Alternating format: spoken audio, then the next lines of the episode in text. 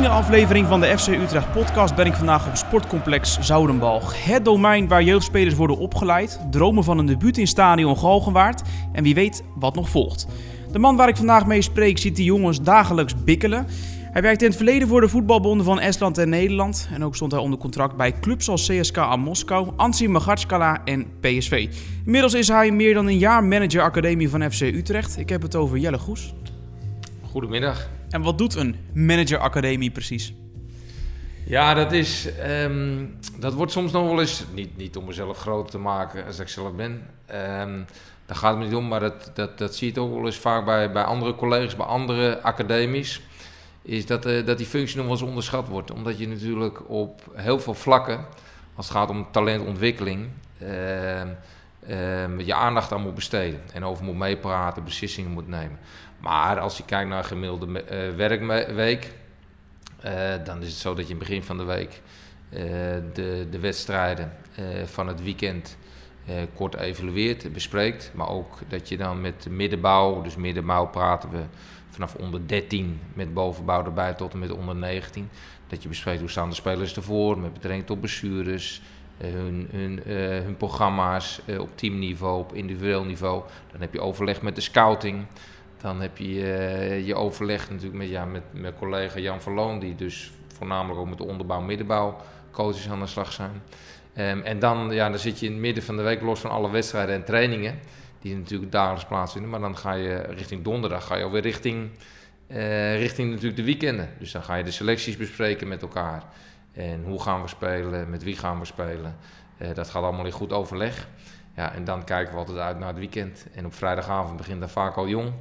Eh, dan heb je op zaterdag, zondag eh, natuurlijk allemaal wedstrijden. Van onder 8 tot en met onder 19. En natuurlijk ook eh, FC Utrecht 1. Dus ja, het is de hele week voetbal. Het is in deze functie veel overleggen. Ehm, en en ook weer continu het herhalen van je, van je visie van de club. En hoe willen we spelers ontwikkelen. Maar dat is een dagelijks proces. Daar heb je je handen vol aan, in positieve zin. Ja, als voetballer, hè, met alle respect, maar laten we er eerlijk over zijn, heb je geen denderend cv. Je hebt gespeeld voor eh, SV Huizen en voor GVVV. Na je actieve loopbaan, denk ik wel, een eh, behoorlijk cv. We kunnen zeggen dat je een, eh, een ware avonturier bent. Nou, even terugpakken op mijn carrière. Het klopt wat je zegt. Ik, was een redelijke top amateurspeler bij Huizen, bij GVV. Nog in eh, seizoen 96, 97 onder leiding van Frans Adelaar. Wel bekend natuurlijk als speler en als trainer. Zijn we daar nog, toen nog de hoofdklasse, dat was de hoogste klasse in het amateurvoetbal. Met GVV kampioen geworden. Maar ik had natuurlijk zelf al snel door dat ik gewoon niet goed genoeg was voor het betaalde voetbal. En toen al heel snel eh, de keuze gemaakt. Ehm, ook met, eh, eh, met de opleiding, uh, keuzevak voetbal. Ehm, en dan ook zeggen, ja, ik, ga me, ik ga me op het coachen, ga ik me storten.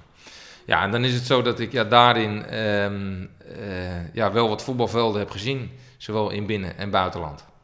Toen begin van deze eeuw inderdaad dat avontuur in Estland. Welke uitdaging lag daar? Nou, er werd mij toen gevraagd, eh, los van het assistentschap eh, bij het nationale team, maar om in ieder geval daar de nationale teams te structureren, eh, daar een visie neer te leggen van hoe gaan we scouten, hoe gaan we opleiden, eh, maar met name ook, ook heel veel energie te stoppen in de, de trainer-coachopleidingen, want er lag daar geen eh, duidelijke structuur of officiële trainer-coachopleidingen. Dus in die zeven jaar tijd heb ik dat zeg opgebouwd van de UEVC, hier bekend het TC3, jeugd eh, tot aan de UEFA Pro. Waarbij ik aan het einde van de rit na zeven jaar eh, ook aan, aan 14 coaches hun, hoogste diploma in Europa heb, heb mogen, mogen uitdelen. En dat was een heel mooi proces. Los van het feit dat ik van, van die zeven jaar, drie jaar lang, eh, de laatste drie jaar ook eh, bondscoach heb mogen zijn. Waarbij een aantal jongens eh, hun debuut destijds, in het begin toen het begon, hebben mogen maken bij de onder 16, 17. Ook hun debuut hebben mogen maken toen in het nationale team. En dat, dat proces van zeven jaar, dat, dat was heel mooi. En, eh, en dat was ook een mooie tijd. Ja, voor we daarover verder gaan, eerst eh, kort naar een eh, audiofragment van Sander van der Streek. Die speelde in het verleden voor Vitesse en werd toen verhuurd aan FC Flora Tallinn. En die zei het volgende over het Estse voetbal. Nee, ik, eh, we waren er wel de grootste club uit Estland. Maar er zat, als je thuis speelde, zat er eh, 100 tot 200 man op tribune. Terwijl je een stadion had waar gewoon 10.000 man in kon. ja, het leefde daar gewoon niet heel erg. Basketbal is daar volgens mij de grootste sport in, in Estland. En ehm, ja, voetbal leeft daar niet zo heel erg. Ook omdat ze er misschien niet zo ehm, internationaal gezien niet zo heel goed voor staan. Dus ze komen nooit echt op een hoofdtoernooi terecht. Dus ja, dan...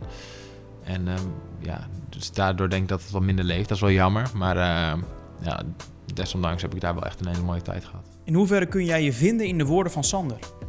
Nee, die mening, en al is dat weer een tijdje terug natuurlijk, uh, want dat, uh, uh, die deel ik wel. Het clubniveau, eh, of het clubvoetbal op het hoogste niveau, dat is enorm, of in, ook in die periode dat ik er zat, enorm aan het vechten tegen het basketbal. En kwam daarnaast ook nog een stukje ijshockey kwam daar tegen. Maar de aandacht op clubniveau, al worden nu al alle wedstrijden. ik was er een paar weken geleden, was ik een lang weekend was ik daar. even op bezoek en wat, wat goede vrienden en ook nog even bij de bond geweest. Daar worden wel alle, of alle wedstrijden op het hoogste worden inmiddels nu ook live uitgezonden. Toen wij er kwamen waren er maar 7000 geregistreerde spelers. En dat is inmiddels nu al opgetrokken naar plus 30.000, vergelijkbaar met IJsland. Um, dus uh, er is wel ontwikkeling. Maar het is wel zo, ze hebben nog een lange weg te gaan om zich verder te ontwikkelen. Daarentegen het nationale voetbal, um, daar is wel heel veel aandacht uit. Dus als ze thuis spelen, er zijn eigenlijk bijna alle wedstrijden die zijn bijna uitverkocht. En, en ze hebben een prachtig stadion. Dus ja, het gaat langzaam. Maar ja, het voetbal moet je, moet je ontwikkelen. En dat heeft tijd nodig. Um, en ja, ik hoop dat ze nu ook de volgende stap gaan maken voor het Estlandse voetbal. Ja, en een parel uit het Estse voetbal, daar kunnen we misschien heel even over hebben. Dat is Ragnar Klavan. Dat is misschien wel een voorbeeld van uh, een, een, icoon, denk ik, hè? Ja, nee, dat, dat, dat is zeker zo. En Mart Poem, de keeper, die destijds ook de keeper was van Nationaal, die, die ook in Engeland in de Premier League heeft gespeeld. Maar Ragnar Klavan heeft toen de stap gemaakt uh, naar Heracles Almelo, uh, eh, AZ en, uh, en toen via Duitsland is hij uiteindelijk bij Liverpool gekomen. Dat, dat is nog steeds een icoon voor het Estlandse voetbal. Ja, in jouw tijd bij uh, de KNVB, latere tijd, dus na Estland en na Rusland, zou jij wel eens over een, een potentiële bondscoach voor het Nederlandse elftal? Een buitenlander geeft nieuwe inzichten en ideeën, maar moet wel bekend zijn met de structuur, de cultuur en de historie. Nou, als je het zo bekijkt, jij was in die tijd in Estland en in Rusland ook een buitenlander in een ander land. Nou, ik, zeg altijd van, het is niet zozeer dat je, want, want ze, halen, uh, ze halen je natuurlijk omdat je een bepaalde expertise en ervaring hebt. Uh, maar je moet je je wel inpassen. Uh, niet aanpassen in de zin van dat je een bepaalde visie en je gedachten, voetbalgedachten, goed dat je die overboord mag houden. Maar je moet je wel inpassen in de cultuur en rekening houden uh, waar komt uh, het land in de historisch gezien vandaan, maar ook wat is hun voetbalhistorie. En, uh, en dan moet je, ja, ik zeg altijd zo, je moet je levelen met de kleedkamer. Want je kan wel heel hoog gaan zitten met allerlei doelstellingen, maar als dat niet past bij het niveau of dan aansluit bij het niveau in de ontwikkeling, of nou trainer, coaches zijn, de spelers, et cetera, ja, dan is dat eigenlijk al het begin van het einde. Nou, vertel me, hoe, hoe was die Estse kleedkamer? Nou ja, goed. Um, uh, het is natuurlijk zo dat, dat, mensen wel een idee hadden en een, en een, en een passie uh, hadden voor het voetbal, maar hadden nog weinig uh, kennis en ze was meer gericht op, op het teamresultaat, maar over, ja, over de ontwikkeling van spelers. Dus dat, dat geldt voor coaches, zowel van het jeugdvoetbal als in het seniorenvoetbal. en dan is het zo dat de S daarin ja, is, is rustig, niet uitgesproken, is afwachtend. Ja, dus daarin moet je goed gaan kijken hoe je ze hun kan uh, uitdagen, hoe ze gaan nadenken over hun, hun eigen cultuur in de voetbal. Dat was weer heel anders uh, als zeg maar bij CSKA Moskou. Uh, wat natuurlijk een, een, Rusland een hele andere achtergrond heeft. daarin wel enorm prestatief. Want daar staat resultaat staat op nummer 1, ook in het jeugdvoetbal. Wat vaak ten koste gaat van creatieve spelers. Want creatieve spelers zijn een gevaar voor de jeugdcoach. Want die maken fouten. Eh, kunnen eh, zorgen misschien wel voor onnodig balverlies. Eh, maar wel een enorme prestatiecultuur. Dus daar heb ik weer de mix moeten vinden. Dus van hoe kan je die prestatiecultuur heel goed gebruiken in teamontwikkeling. En hoe kan je meer de focus gaan leggen op de individuele ontwikkeling. En ja, dat, dat zijn wel mooie processen. Om daar eerst een goede analyse op los te laten voor jezelf voordat je dingen gaat veranderen. Ja, en toen na de nodige avonturen in dus Estland, uh, in uh, Rusland. CSKA Moskou. CSKA Moskou, uh, Ansi en bij PSV FC Utrecht. Ja. Wat, wat sprak jou aan in het verhaal van de club uit de Domstad? Nou, uiteindelijk ben ik natuurlijk zelf geboren in de regio. Niet nu, dus, maar ik ben geboren in Hilversum. De dichtstbijzijnde betaald voetbalorganisatie. Eigenlijk de, de, de, plek waar ik nu woon, in, in Blarikum. Uh, maar het is, ja, het is natuurlijk een prachtige regio. het is een geweldige stad. En een club met cultuur en, en, en een, historie. waarbij als je het af mag meten, en dat zeg ik altijd maar zo het, het fantastische publiek van de Galgenwaard is altijd heel duidelijk in de signalen. Zijn ze tevreden, dan ondersteunen ze de ploeg geweldig.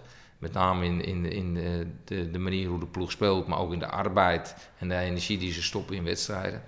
op het moment dat daar een, ploeg of spelers in falen, dan krijg je het ook meteen te horen. Dus ik hou wel van dat publiek, ehm, zoals, die, zoals die is bij FC Utrecht. kritisch, maar wel rechtvaardig en eerlijk. Nou, en zo zie ik dat ook, dat, zo zie ik dat ook bij de academie. Ja. Wat, wat trof je ongeveer aan? Nou, uh, wat, wat trof je aan? Ik, uh, als, als ik in eerste instantie natuurlijk kijk naar de kwaliteit van de spelers. Dus ik, ik, ik, zie uh, vanaf, vanaf de onder 8 tot, tot met jong zie ik er echt een wel potentie en heel veel rek bij spelers. Denk van ja, maar die, die, kunnen, die, kunnen, die kunnen nog beter.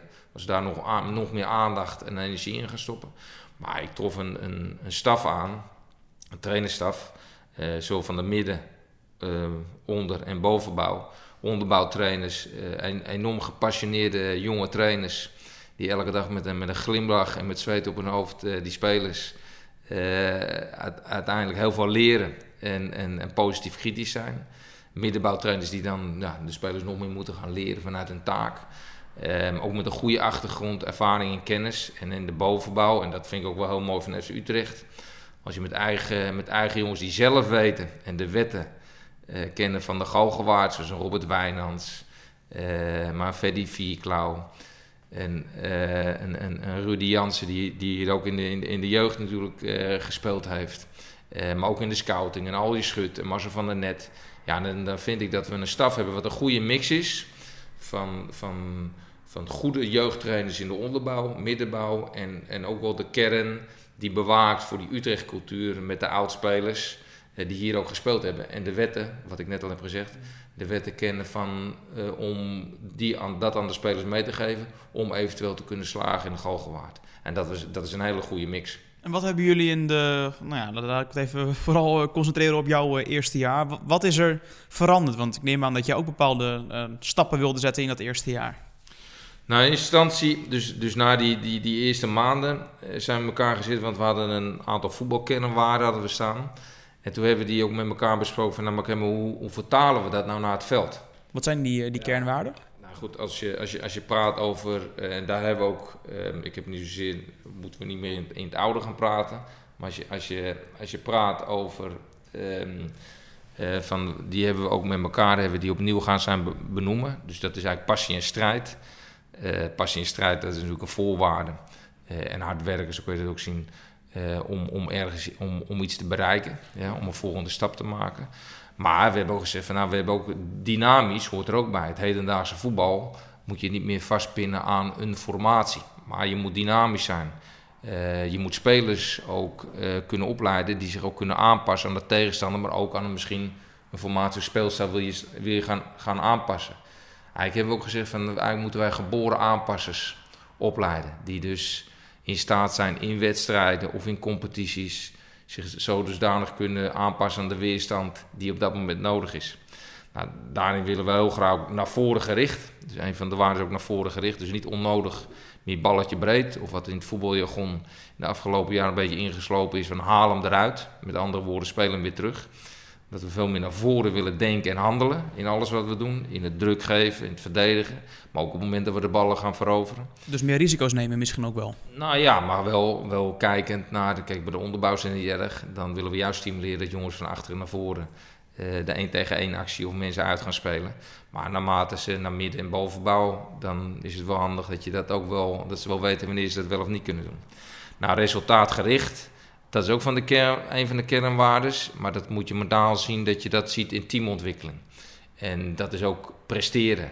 En resultaatgericht zodat je kan benoemen van waar ben ik beter in geworden of waarin moet ik me verbeteren. En, en wat heel erg sterk is voor de club, is uiteindelijk ja, dat volhard, de, de volhard, uh, volhardend uh, met, met, met elkaar zijn als individu en als team. En dat je echt vanuit je hart speelt. En, en je mag falen, maar dan, dan wel vanuit je hart en de passie die je erin gooit. Dat hebben we heel veel besproken. Uh, maar dat ook vertaald naar het voetbalveld. Maar hoe zien we dat dan terug uh, in, in de training? Hoe zien we dat dan terug in de wedstrijd? Dus eigenlijk hebben we ook steeds aan elkaar gezegd... eigenlijk hopen we straks op termijn... dat al zouden de spelers hun shirt uittrekken... hun logo, die, die staat, hun logo staat niet op een shirt... zeggen hey, maar dat is FC Utrecht. Zo spelen ze. Uh, dit zijn onze spelers waar we trots op zijn. Dat, daar zijn we nu mee, mee, hard mee aan het werk. Dat hebben we opgestart en in dat proces zitten we nog volop. Ja, je hebt het over uh, kernvoorwaarden, over manier van spelen er zijn tal van clubs die een jeugdacademie hebben en op, op die manier proberen mensen uit de regio voor te bereiden uh, op het, uh, of klaar te stomen moet ik eigenlijk zeggen, voor het betaalde voetbal. Waarin kan FC Utrecht zich onderscheiden? Nou, ik denk met name dat proces natuurlijk al een aantal jaren al aan de gang. Um, kijk, opleiden moet je zien als, een proces. En je leidt op en we hebben met, met jongens te maken die uiteindelijk straks volwassen spelers worden. Dus dat is altijd een proces van jaren. Maar daarom is belangrijk in stap 1 dat we uh, nog meer uit de regio gaan halen. Nog meer gaan samenwerken. Doen we al met, uh, met, uh, met onze clubs. onze rakclubs, zo noemen we dat. uit de regio. dus op het moment dat daar meer en beter getraind wordt. Dus betere stafleden, kaderleden die daar op het veld staan. Dan is de instroom vanaf de onderkant, dus als dat op hoger niveau komt, dan is de instroom naar de, naar de jeugdacademie van SU Utrecht dus hoger. Dus kunnen wij ook weer hoger starten en weer verder ontwikkelen. Dus dat is één. Uh, wij moeten sowieso, daar zijn we nu hard mee bezig, dat we binnen drie jaar willen we echt naar een dagopleiding. Wij moeten veel beter gaan samenwerken. We hebben nu hebben we spelers verspreid zitten over wel 25 scholen. Dat moet straks teruggebracht worden naar vijf. Dat we hier op de dag kunnen trainen en studeren, zodat we het maximale kunnen halen uit onze trainingen dus dan ook de wedstrijden. Eh, maar ook dat school gewoon uh, dat het proces doorgaat en dat ze nou kunnen, maximaal kunnen presteren. Daarnaast is het zo dat we nog, nog meer de aandacht kunnen geven op het individu. Dus natuurlijk, niet teams die debuteren niet um, in, uh, in, in de Galgenwaard. Het zijn dan een aantal individuen per leeftijdscategorie. maar die individuen die mogen we nog wel meer aandacht gaan geven. Um, sterker nog, wij mogen daar ook nog wat meer van gaan eisen. Ja, dus het is van onze kant meer eisen. Ze noemen dat in een Engels woord high potentials, maar, die, zeg maar die, die zeg maar de, de talenten met een, uh, met een sterretje, met een plusje. Uh, dat we daar meer van gaan eisen en van onszelf, dat we nog meer het maximale van hun dat ze uiteindelijk zo goed worden, uh, dat ze hier in de Galgenwaard kunnen debuteren. Ja, je hebt het ook al over uh, de, de, de RAC-clubs onder andere, de regionale amateurclubs, dat daarin nog wel stappen kunnen worden gezet. Uh, ik heb natuurlijk research gedaan en lees dat wel meer clubs soms moeite hebben om, om dat top op orde te hebben. Jij geeft ook aan dat het nog een verbeterpunt is. Waarom is het soms lastig uh, om die RAC-clubs maximaal te benutten? Nou, dus, één is het zo dat het start natuurlijk met de club die ook zelf of hoe ze willen samenwerken. Maar daar daarin is het zo dat uh, die clubs, die vereniging, uh, de vereniging in onze regio, ook heel veel moeite hebben om een goed kader aan te stellen. Nou, wat wij, we hebben ideeën, dat willen we straks uh, nog, nog meer gaan doen, dat we ze nog meer kunnen, dat we zeg maar, we hebben nu ook de focus gelegd op de kaderleden, coördinatoren, onderbouw, onder 6 tot en met onder 12. Dat we die programma's aanbieden, dat we ze kunnen helpen in het structureren en het organiseren van betere trainingen en wedstrijden in, in het gebied. Uh, daarin uh, doen we al, werken we al samen met de KVB. Maar die samenwerking en die driehoek tussen FC Utrecht, de vereniging en de KNVB, dat mag nog veel beter in onze regio. dat, is gewoon, dat is gewoon essentieel. Dus je moet je voorstellen, los van het feit dat we eigenlijk willen natuurlijk dat al die jongens ook op straat voetballen. Maar als die onderbouw en die toptalenten daarin van twee keer in de week naar vier keer in de week gaan, plus goede wedstrijden, ja, dat is de helft meer dat je dan gaat stoppen in hun trainingsuren. Ja, daar, uh, daar, daar komen straks eh, hopelijk eh, nog betere talent uit. En dan willen we ook nog veel meer met regio-teams gaan werken.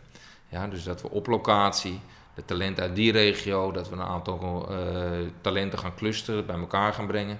En dat die dan ook weer in de één, keer in de twee, drie weken ook weer bij FC Utrecht komen trainen. Dat, ja, dat, is, dat is onze ambitie. Dat heeft tijd nodig. Uh, maar daar gaan we de, de, komende jaren nog meer op inzetten. Ja, um, onlangs werd bekend dat naast de traditionele top 3 ook AZ, Vitesse en Utrecht een certificering hebben gekregen voor de academie. Wat houdt die certificering in? Ja, dat is al een aantal jaren is dat, um, dat, dat, dat is al zo vanuit de KNVB. Uh, wij hebben hem ook dit jaar ook weer gekregen. Is die belangrijk om, om te krijgen? Ja, we hebben dan die internationale status gekregen. Dus dat, dat heeft verschillende niveaus. Uh, ja, dat, dat, dat is belangrijk. Maar dat zegt meer iets van waar wij staan als club. Uh, maar het is ook steeds altijd weer elk jaar, want er komt dan ook een commissie langs die ons ook kritische vragen stelt van, over, over onze visie, over op, onze opleidingsplannen, um, over nou, het aantal fulltimes, het niveau van de coaches, et cetera.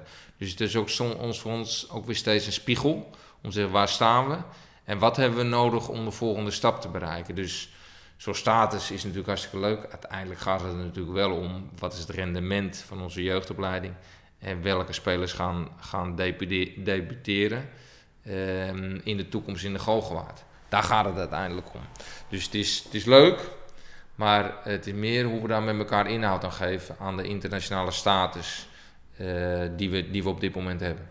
Ben jij jaloers als je bepaalde complexen of academies van andere clubs ziet? Of zie je daar bijvoorbeeld uh, leerpunten uit voor FC Utrecht? Uh, zekers. Um, ben ik daar jaloers op. Als ik zie wat uh, Vitesse de laatste jaren, maar ook AZ, onlangs weer een, geweldige indoorhal met een fitness uh, daaraan vastgebouwd. Ja, dan heb ik een Feyenoord is aan het bouwen. Ja, dat is, je kan jaloers daarop reageren. Van hadden we maar dit het is zoals het is. We hebben helemaal geen slechte accommodatie.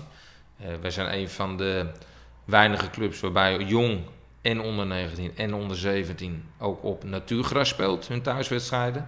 Uh, dat, dat, behalve Ajax zijn we de enige die, die dat doen. Um, en dat, daar houden we ook aan vast. maar de komende jaren hopen we wel met de regio en de gemeente onze accommodatie te gaan ontwikkelen. Want ja, wil je bijblijven, wil je naar een dagopleiding, dan hebben we die volgende stap in de ontwikkeling van ons, onze accommodatie hebben we zeker nodig. We gaan naar de rubriek eens of oneens. Winnaarsmentaliteit kun je niet aanleren in de voetbalacademie. Oneens. Als je een goede jeugdopleiding hebt, hoef je niet te shoppen bij andere clubs. Oneens. Hoe jonger een speler in de academie komt, hoe beter. Eens. We beginnen bij die over de winnaarsmentaliteit, waarvan jij zegt oneens, daar kunnen we nog wat mee in de academie. Nou, uiteindelijk als wij in eerste instantie naar spelers kijken, dan zijn we heel snel geneigd om te kijken naar, um, naar, naar, de technische handelingen. Wie is er veel aan de bal en wat doet hij met de bal? En heeft hij geweldige actie of scoort hij veel of kan hij goed verdedigen? Uh, maar we, we, kijken nog eigenlijk te weinig van wat, wat doen spelers op het moment dat ze de bal verliezen. Wat doen ze op het moment dat ze scoren? Ja, uh, is, het dan, is het dan echt samenspelen? Hoe reageren ze op als ze, uh, als ze een toernooi winnen? Of hoe gaan ze om met, met situaties dat ze alleen maar horen van alle kanten? Want dan zijn we snel geneigd. Hè? Een winnaar kent vele vaders. dat iedereen ze op, op een schouder slaat, et cetera. Dus die winnaars mentaliteit en ja, dat moet je eigenlijk, dat is een, een, ja, een beetje een containerbegrip. Maar eigenlijk zou je dan moeten kijken van hoe gaan spelers nou om en dan krijg je meer, uh, uh, heb je meer tijd voor om daar een goede analyse van de speler op los te maken. Van nou, hoe gaan ze nou om met zeg maar, die uitdagingen? Ja? Als ze zeggen van ze iets willen verbeteren. En gaan ze, omarmen ze dat of zeggen ze, ah, dat komt wel. Of gaan ze er echt heel gefocust gaan ze mee om. Eh, hoe gaan spelers, eh, hoe gaan ze ermee om? Op het moment dat, uh, ja, dat ze een periode minder spelen. Dat het minder goed gaat. Dat ze niet in de basis spelen of dat ze niet voor een nationaal team worden uitgenodigd. Gaan ze dan, uh, hoe gaan ze er dan mee om? En binnen zo'n organisatie zoals FC Utrecht is er voldoende ruimte om dat als het ware omhoog te krikken, die, die mentaliteit. Die nou, ik, ik, vind, ik vind dat we daar nog wel, wel nog beter naar moeten kijken. En, en, en met name ook van, het is hartstikke leuk om altijd die speler die het goed doet alleen maar op, op zijn schouder te slaan. Maar het gaat er juist om, om die speler in, zo'n situatie te brengen. Ja, dat hij, dat dat ja, niet bewust gaat falen, maar hoe hij daarmee omgaat. Eh, op het moment dat hij fouten gaat maken, dat hij minder gaat spelen. Eh, als een keeper een, een, cruciale fout maakt, van staat hij op, recht hij zijn rug, gaat hij ervan leren, gaat hij videobeelden bekijken, hoe gaat hij daarmee om? En het is wel zo dat, dat, dan, dat je wel het onderscheid kan maken met spelers die dan altijd gaan wijzen naar anderen. Ja, of, nou ja, sterker nog, dat er ook ouders zijn die gaan wijzen naar anderen. Van ja, maar dat ligt aan die trainer. Ja, maar het, hij speelt op de verkeerde plek. Ja, maar hij wordt niet goed getraind. Nou, wat bewezen is, en ook nou ja, uh, naar topvoetballers in het verleden, maar ook het, het, het hedendaagse topvoetbal, dat juist de spelers die het heel ver brengen, juist heel kritisch zijn over hun eigen functioneren. En nooit anderen de schuld geven, maar juist mensen om hen heen zoeken waarbij ze nog beter van kunnen worden. En dat ze concurrentie in een team niet zien als een gevaar, maar dat ze zeggen, ja, maar daar word ik ook beter van. is juist een kans. Een kans. Nou, en daar mogen we ons nog meer op gaan richten. Uh, dat, dus als je zegt van ja, uh, is het zo dat het, uh, dat kun je niet aanleren. Ik denk wel dat we, ik denk wel dat je het kan leren in spelers, in processen. Eh, op het moment dat je ze nog beter met hun gesprek gaat en nog beter is dat om, om op het veld, op het trainingsveld, ze daarop te wijzen. En daar zijn nog wel stappen in, in te maken. Dus één, ja, we willen natuurlijk allemaal spelers hebben die een enorme drive hebben. En zeg maar die, die winning mindset hebben. Uh, maar spelers die dan uh, ja, die daar anders naar kijken, of er anders mee omgaan, dan is altijd wel de uitdaging om dat te kunnen om, om te draaien. Te vormen. Nou ja, te vormen. Uiteindelijk heb je dat ook nodig in de top. Je kan niet zeggen van je leeft van wedstrijd naar wedstrijd in de top. Uh, nu vanavond ook weer. Uh, de wedstrijd Utrecht-Heerenveen. Ja, dan kan je wel blijven hangen bij de wedstrijd afgelopen week. Eh, de verliespartij bij, bij Ajax uit. Maar je moet weer verder. Dus je hebt juist die spelers nodig die heel snel kunnen schakelen. Kunnen leren van de wedstrijd van eergisteren. was iets langer geleden. Uh, maar, maar, wat moet ik beter doen? Dat soort spelers heb je nodig in de opleiding. Ja, en jij zegt over dat uh, shoppen, ook al is je jeugdacademie uh, al best aardig qua, qua invulling en qua, qua opzet. Dat shoppen, dat moet altijd kunnen. Nou ja, daar moet je ook kritisch in, in, zijn. In eerste instantie willen we natuurlijk in onze eigen regio willen we de beste spelers scouten en opleiden. daar pakken we de straal van 50 kilometer. Uh, want het moet ook in balans zijn, het reizen, school en, uh, en, en voetballen bij FC Utrecht. Uh, maar je moet altijd de ruimte houden. want er is geen enkele club ter wereld die een eerste elftal heeft of jeugdteams hebben die alleen maar uit de regio komen. Nou, daarin moet je je wel openstellen.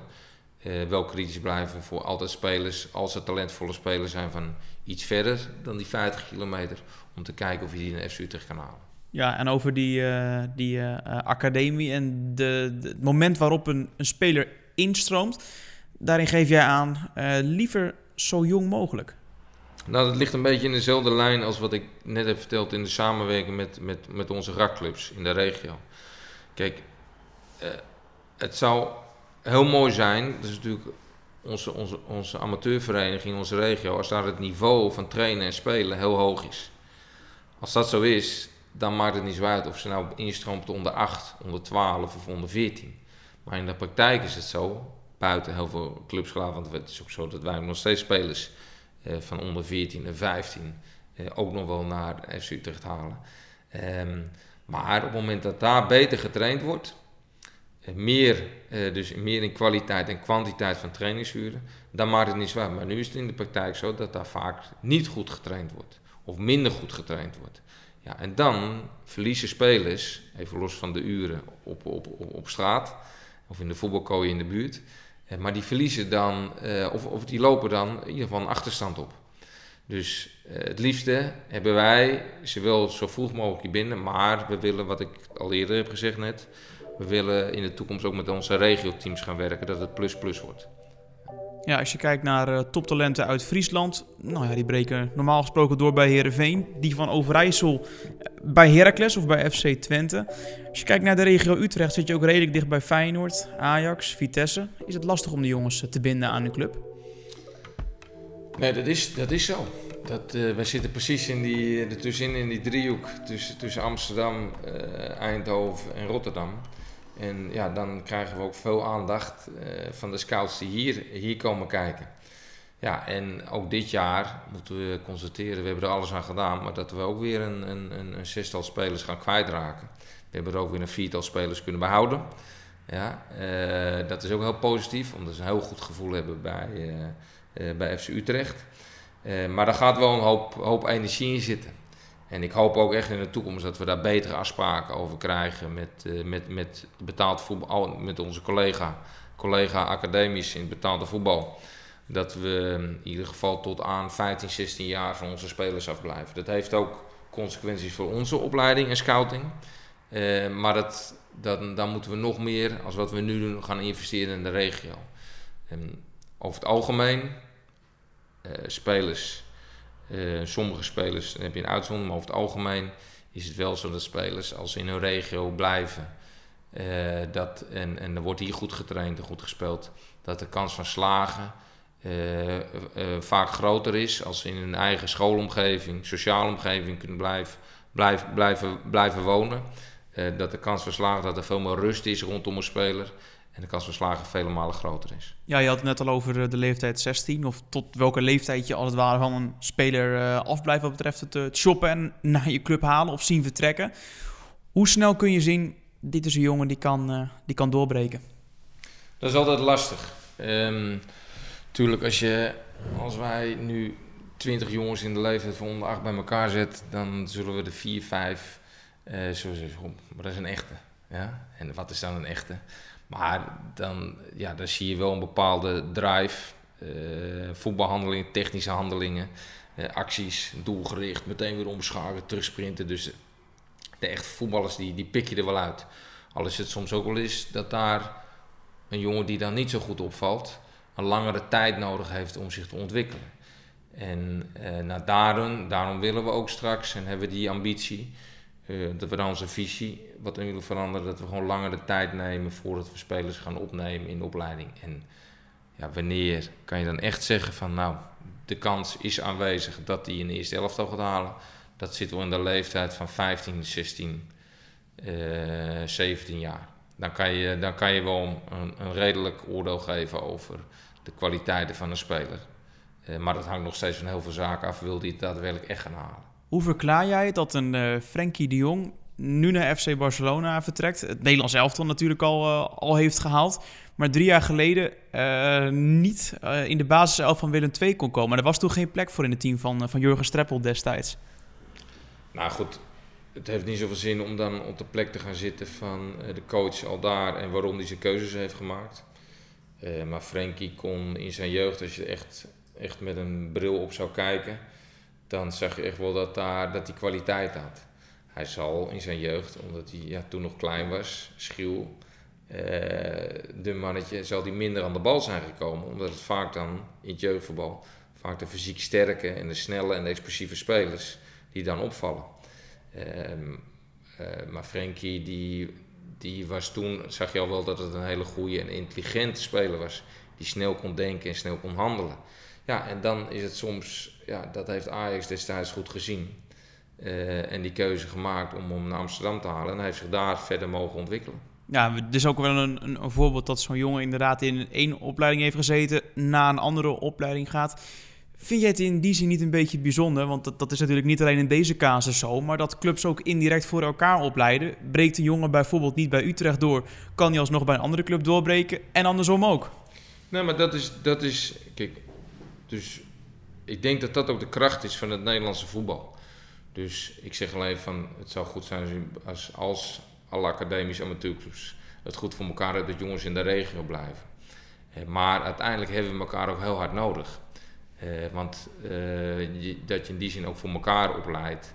En dat bepaalde afvallers bij een club, dat die dan weer elders in betaalde voetbal komt. Dus we moeten ons heel goed realiseren in Nederland dat we elkaar keihard nodig hebben. Ook in competities. Want goede jeugdcompetities hangt af ook van de kwaliteit van de tegenstander. Ja, als Ajax straks alleen maar de beste spelers behoudt, dan, en die zullen alleen maar met, met, met, met 8-0 winnen, dan worden zij niet beter van. Dus ehm, de kracht van het Nederlandse voetbal is dat, dat we blijven opleiden met elkaar, accepteren hoe, hoe lastig dat ook is dat je af en toe ook een speler kwijtraakt. Maar dat je, dat je wel goed blijft samenwerken. Dus goede competities organiseert, goede wedstrijdvormen. Uh, elkaar de, of in ieder geval uh, goede afspraken maken met school. Ja, dat is wel de kracht van het Nederlandse voetbal. Het mooie is, we zijn een klein land. Bijna in elk dorp hebben we wel twee voetbalclubs. Als er niet meer zijn. Nou, dat is onze infra voetbalinfrastructuur. Uh, is, is uitermate goed ten opzichte van andere landen. En daar moeten we op doorbouwen. Zou jij er een voorstander van zijn als jullie bijvoorbeeld een extra spits hebben en een andere club heeft nog een extra rechtsback, dat je die als het ware kan ruilen in een bepaalde lichting? Om beide teams sterker te maken? Nee, ja, goed. Dan gaan we een beetje misschien naar een Amerikaans model van hoe de MLS, hoe die is ingericht. Uh, maar nee, dat, dat, dat zie ik niet gebeuren. Want uiteindelijk wil je de beste spelers toch bij je club houden. Ja, dus dat is misschien een, ja, in het, in het algehele ideale beeldje in het voetbal, uh, het Nederlandse voetbal, zou je misschien zo moeten denken. Maar ik denk niet dat het zo werkt, omdat je toch ook een bepaalde uh, emotie hebt bij uh, de speler bij een club en andersom. En je wil uiteindelijk ook wel spelers opleiden die bij de club passen. Dus dat, nee, ik denk, dat zie ik niet gebeuren. Nou, je hebt het inderdaad over een paar toppers, een paar parels misschien wel. In Utrecht zijn er een paar doorgebroken. Ayoub, Amrabat, Kleiber. Venema komt er nu ook aan.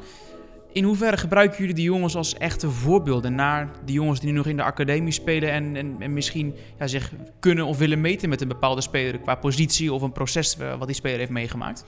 Nou, voor um, wat we voor, nou wat was het, kleine twee maanden geleden. Daar hebben we dus zeg vanuit de middenbouw en bovenbouw, dus vanaf de onder 13 tot en met de onder 19, hebben, hebben, ze, um, hebben spelers gesproken met spelers van het eerste. Dus we gaven de opdracht aan, de, aan onze Talenten Plus om zelf beelden te verzamelen van eigen jeugdwedstrijden. En die te bespreken met Willem Jansen, met Jean Kleiber, eh, met, maar ook met Bezoer, maar ook met Timo Letchet, maar ook met Bergström. Dus dat waren, waren geweldige 1-2'tjes die ze samen maakten. En de spelers van het eerste waren ook enthousiast. En de, de jeugdspelers nog enthousiaster over die, uh, ja, die discussies die ze hadden over nou ja, hoe moet je verdedigen, hoe moet je aanvallen, maak ik nog goede keuzes.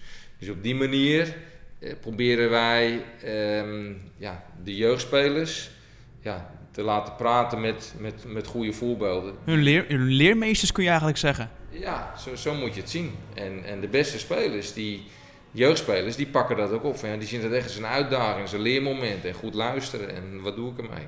Dus dat was, eh, dat was uh, prachtige momenten waren dat. Onlangs sprak ik met uh, Nick Venema en die gaf aan... ik vond het super fijn om samen met Michael Mols uh, te gaan werken. Hoe ik als aanvaller loop, hoe ik afmaak en welke keuzes ik maak. Nee, we zijn, we zijn ook heel blij als je, een, als je naar Michael zijn carrière kijkt. ja, weet hij wat, wat de wetten zijn in topvoetbal. En, en, en dat soort iconen en trainers die hebben we graag dan, dan ook weer nu, volgend jaar uh, pakt Michael ook weer door bij de, bij de onder 19. En, en is met name voor spelers als, als Nick Venema, maar straks ook weer andere spitsen.